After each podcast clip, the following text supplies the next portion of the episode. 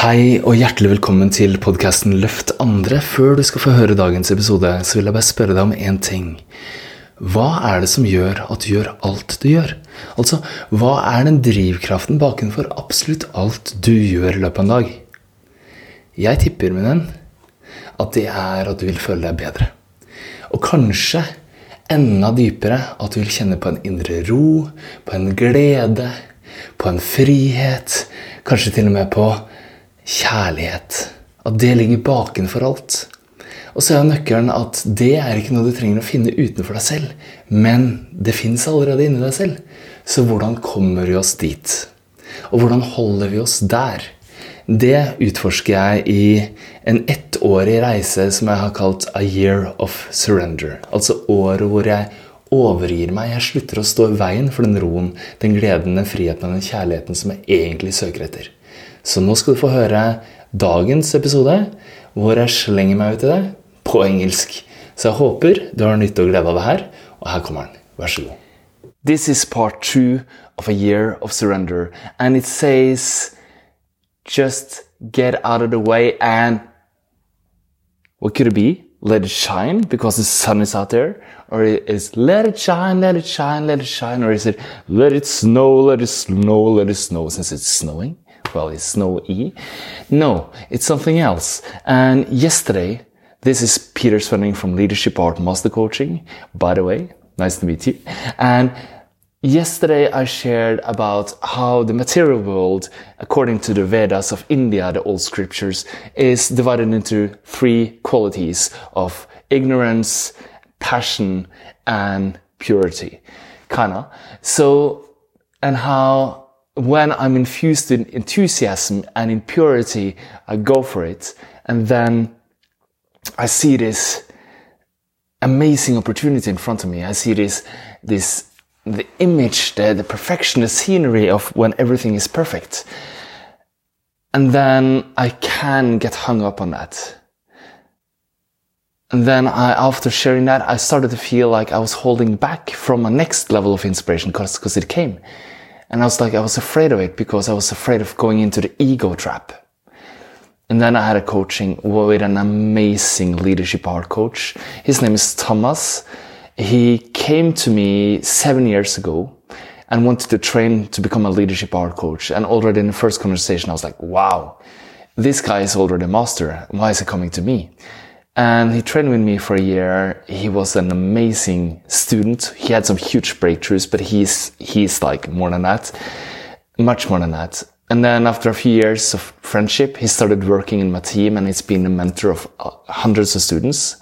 Everybody loves him to bits because it's fantastic. He's so fantastic. Once he coached me like two years ago. I was sitting in my car at the time and he asked me to open my field behind me. I was sitting in the driver's seat of my car, parked, and I didn't touch anything. And then suddenly the back door of my car beep, beep, beep, beep, just opened as he said, open the energy behind you. And then the car just opened. Yesterday, when I saw him on Zoom, as soon as we got on Zoom, I said, Thomas! And my chair, this never happened before, the chair I was sitting on fell. That's how strong this man's energy is.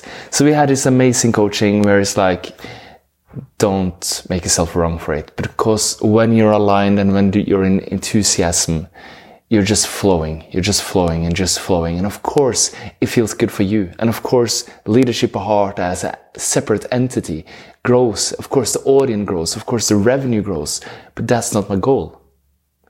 My goal is to be in the flow and get out of the way and let the love flow. Get out of the way and feel into the feeling of it. And of course, some concrete stuff happens because we're in action mode. So of course, there's a new video, a new webinar, a new presentation, a new teaching, a new idea, an inspired idea. Like I had an inspired idea yesterday to invite my alumni, everyone who's taken a coach training, to meet with me on Zoom and do a meditation, to light a candle, light the inner light for all our shadows and for the shadows of everyone around us we can see in the world right now and the chaos.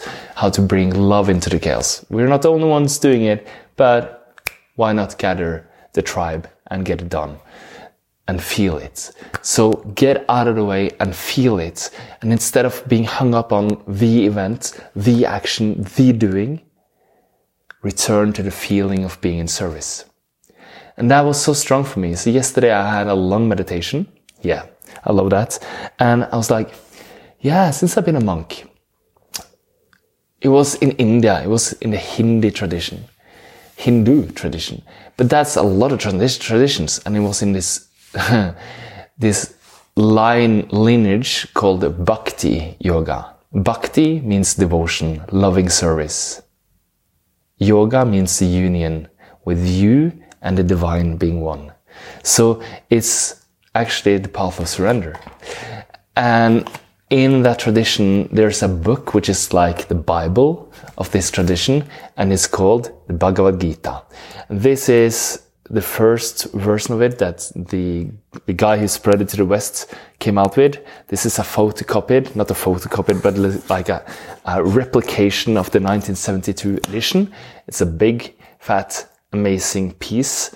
I read it seven times when I was a monk, and since then I've been reading it probably like four times, but eh, here and there. And yesterday I just like, let me get straight to the to the end of it, to the essence, to the summary. And the summary is in it's 700 verses and it's divided into 18 chapters. And I'm going to read for you. Didn't expect that, but I'm going to read text 61 and text, text 62 of chapter 18, which is like you've been through a lot to get here. And this is the very two, two last verses before they go to wrap up, and that's the story. Yes. So this is the very last pieces of teaching in the whole book. I can, of course, try to be like a very monkish guy and read it out in Sanskrit, which is like Ishvara Sarva Bhutanam, but I'm not. I'm going to read it in English and try to explain as good as I can if needed. The sup- okay, so verse text 61, chapter 18 of Sri Bhagavad Gita, the Son of God which is Bhagavad Gita. It means the Son of God. Yeah. So here it goes. The Supreme Lord, and I take a break. And if, if you're not like into calling this spirit God, translate it for yourself. Okay. Cool back again. The Supreme Lord is situated in everyone's heart. O Arjuna, he's speaking to this guy called Arjuna, and is directing the wanderings of all living entities. Just that piece is enormous if you ask me. The Supreme Lord is situated in everyone's heart and is directing the wanderings of all living entities, who are seated as on a machine made of the material energy. Meaning, in the heart of every living organism, every living being, God is there as well. And that spirit situated in the human body or in the material body of all our, all the beings. So that is the, the verse. And then the next verse is like, okay, so if that's the truth, if God is in everyone and everything, then how do we live in accordance to that in the best way? Great question. I'm glad you asked. So that's the next text. The last one in the whole book. Sorry, this is text 62. The last one was 61. Here goes. Wow. It would be ridiculous for anyone who knows Sanskrit if I try to read it out, but it's, it's beautiful. So I'll do it anyways. So I haven't read this in Sanskrit for like seven years, so it's gonna be strange, but, but just listen to the poetry and the sound of it. Tammeva sarvanam gacha sarvabhavena bharata tat prasadat param santim stanam prayasya satvatam. Sounds cool, huh? Oh, Sishan of Bharata. So, he's talking to this guy again, and he has a lot of beautiful nicknames for him. So he's basically saying, my brother, my friend, surrender unto him utterly. By his grace, you will attain transcendental peace and the supreme and eternal abode. So, it's basically saying, surrender yourself, let it all go, just be in loving service, and you'll be transcendental peaceful. You'll be have the inner peace that you long for. And this is basically the essence of what I'm teaching in leadership art master coaching. No wonder. so this is this is the root. If anyone asks, uh, where does it all come from? It doesn't mean that you need to believe in this or anything else, but the essence. And that's what I found. I don't think anyone should go through a five year period as a monk.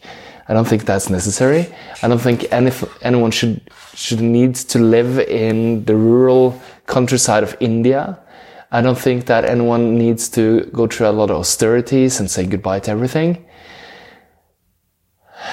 Because the essence is in all of us. And we are made of love, of truth, of wisdom, of bliss, of an inner calm and peace, which is so wonderful and endless. And that's who we are. And from there we are free. And we are love and we are joy. And that's what everyone is seeking. Everybody's walking around these days doing a lot of stuff to feel good, looking for love in all the wrong places, looking for freedom in all the wrong places, thinking that if I only can get one million more, then everything will be good. If I only can get my partner to see me and love me, or if I only can get a new partner, or if I only can upgrade my home, or if this pandemic can only pass, or if I get a new job, or if I can sleep in just for one more hour. If, if this, then I will be joyful, happy, peaceful. Come on. you are that already. so when realizing that I am this, we get the ultimate shortcut to the ultimate results.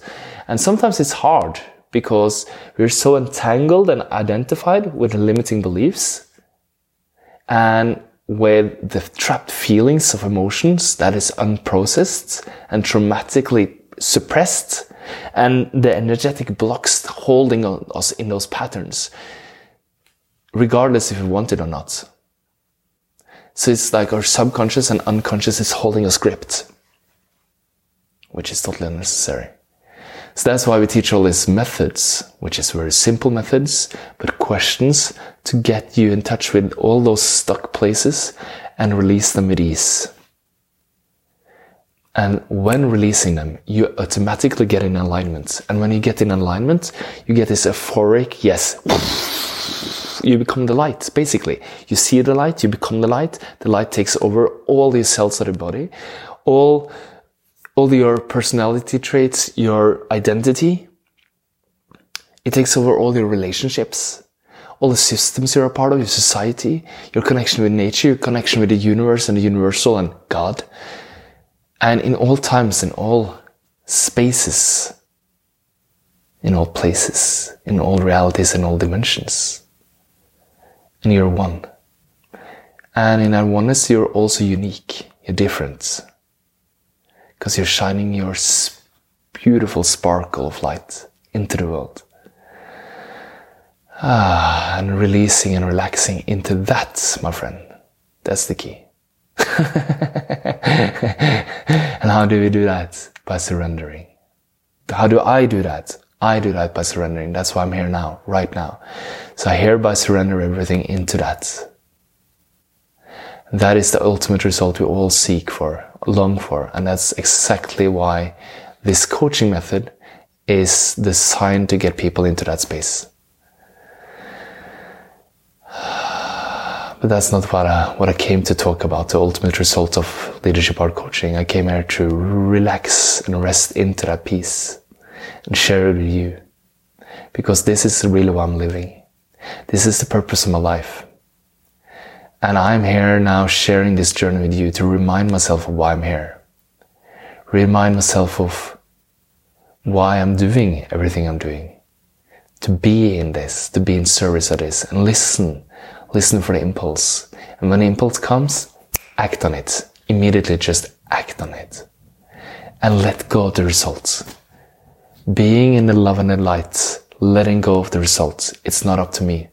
And it doesn't really concern me has nothing to do with me. Just like this moment now, like I cannot take credit for this. The sun here, the beautiful nature, and the windows. I cannot take credit for this. Like the universe has been here for 13.8 billion years. It's been conspiring to make this magical moment happen. And sometimes bad stuff, we feel as bad, we judge it as bad stuff happens. But it's still being like building up to that point without us even being here. we came yesterday, man. Leaving tomorrow. so realize who you are. You are this magnificent being. And then allow yourself to surrender into the flow of that. Allow that, that greatness in you, which is much bigger than you can try to become. Allow it to flow and be you. And whatever comes in front of you, serve that. It sounds like I'm speaking to you. I'm not. I'm speaking to me. I'm sorry. I didn't mean to say you. I can say me. So Peter, relax into that greatness. Allow it to fill you. Allow it to guide you and push you into the next thing, the next situation, the next relation, the next exchange. Allow it to flow. Just surrender into service of that. And let go of the image of what you want. Let go of the goals. Just be here in service. Get out of the way. Let the sun flow. Let the sun shine. Let the flow flow. Let the joy flow. And let it all be. Get out of the way and feel it. That is the title of this. That's what I wrote on top of this post. Get out of the way and feel it. Thank you so much for being here. I hope this was in any way, shape, or form good for you. If it was, cool. if you know someone who would love it, you feel free to share it. If not, that's cool too. I love you. I'll be here tomorrow. I'm going live in this group on Facebook called Elevated Master Coaches. You're welcome to come join if you are, if you're not here already. You can find us on Facebook. Just search for Elevated Master Coaches. It's always a URL as well pointing to that place. And I'm posting this on my podcast, on my YouTube channel, in my on my Facebook page, and in the Norwegian Facebook group called Magisk Morn. Cool name, right? So, yeah, and I had a plan to actually make a blog with all these videos on, but here I am with you today in part two, installment two of A Year of Surrender. Satnam, True Identity. Much love. Ciao.